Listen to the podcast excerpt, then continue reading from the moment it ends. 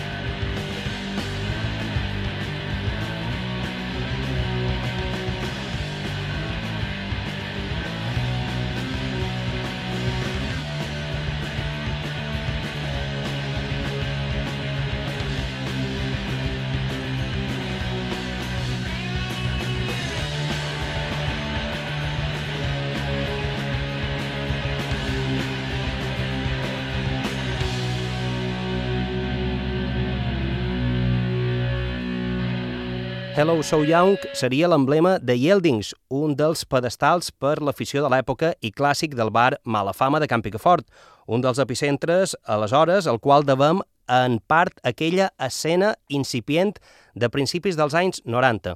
Yeldings, amb Dirty Boots i Intelligence, esdevindrien el triumvirat del so independent de principis dels 90 a Mallorca, concretament de la zona nord de l'illa, on, curiosament, el so i les influències nord-americanes i angleses del moment va penetrar primer i molt abans que la capital, Palma, sent la zona avantatjada.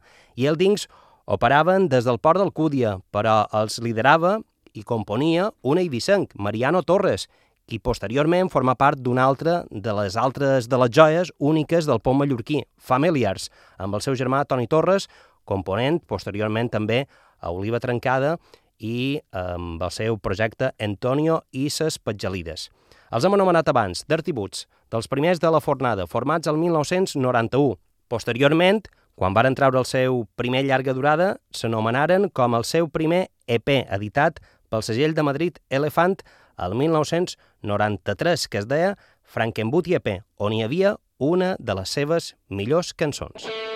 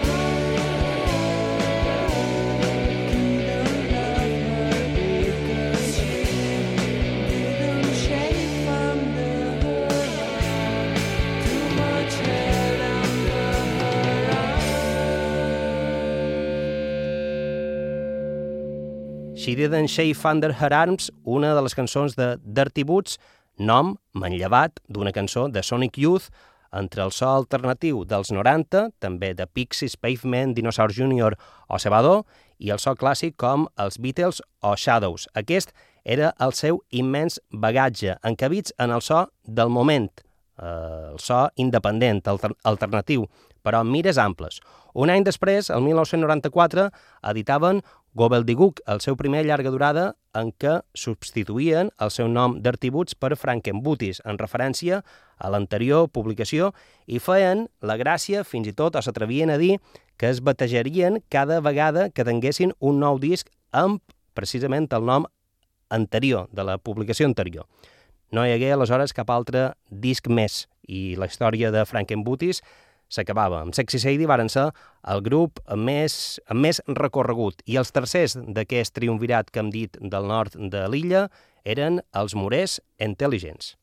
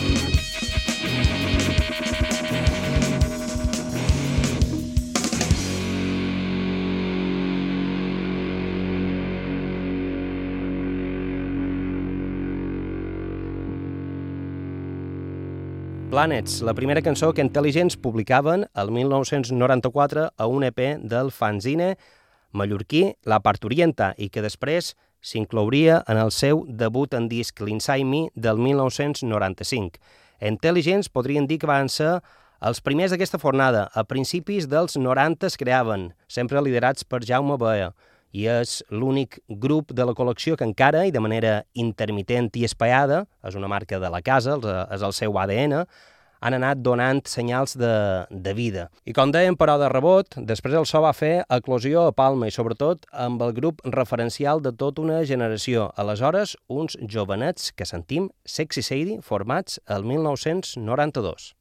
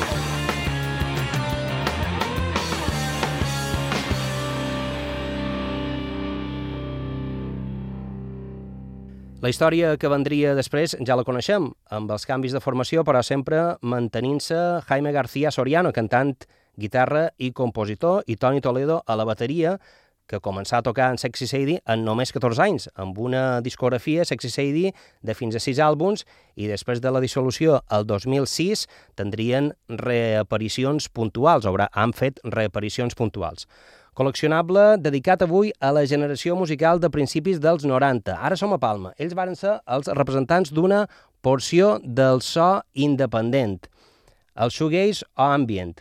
Uh, Honey Landstrumpf, inicialment Dead Honeys, en homenatge a Jason Chain, un dels altres mallorquins en el segell Elephant.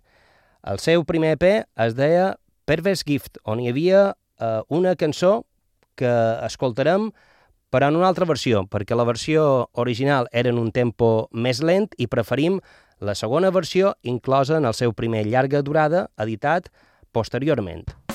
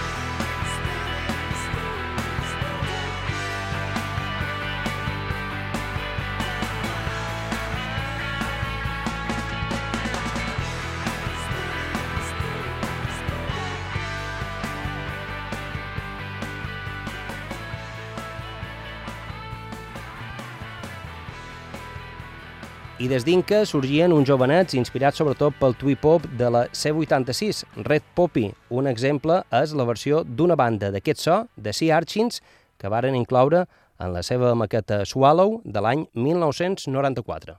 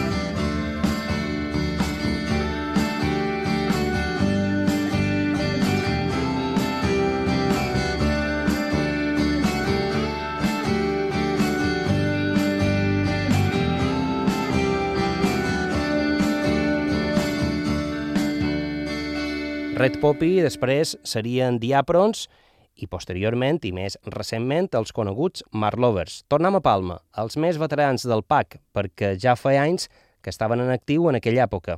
Són The Walk, la banda de Steven abans de T-Servants, i també exemple de remar a contracorrent amb influències del post-punk més gòtic i la new wave. Obria la seva quarta maqueta, pot ser la millor, aquest March Days. Thank you.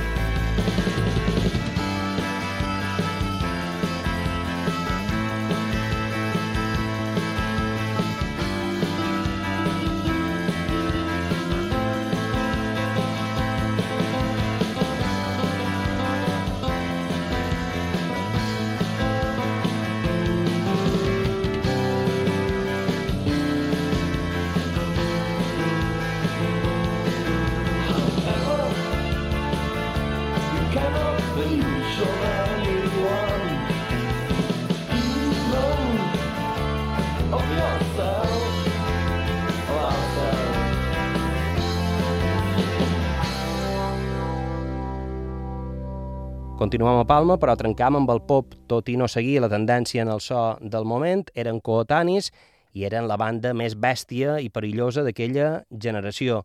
Los Crudos, punk rock, garatge, psicodèlia, Cities Raining havia format part del mateix EP que anomenàvem abans, la Parturienta, però escoltarem un altre clàssic d'aquella època, seu, del 1993, aquest Dakota's Hotel Laying on the Grass.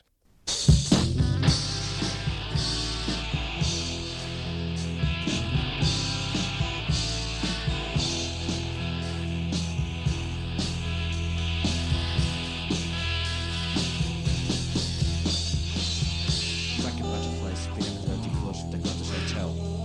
The sweating and time destroying more people.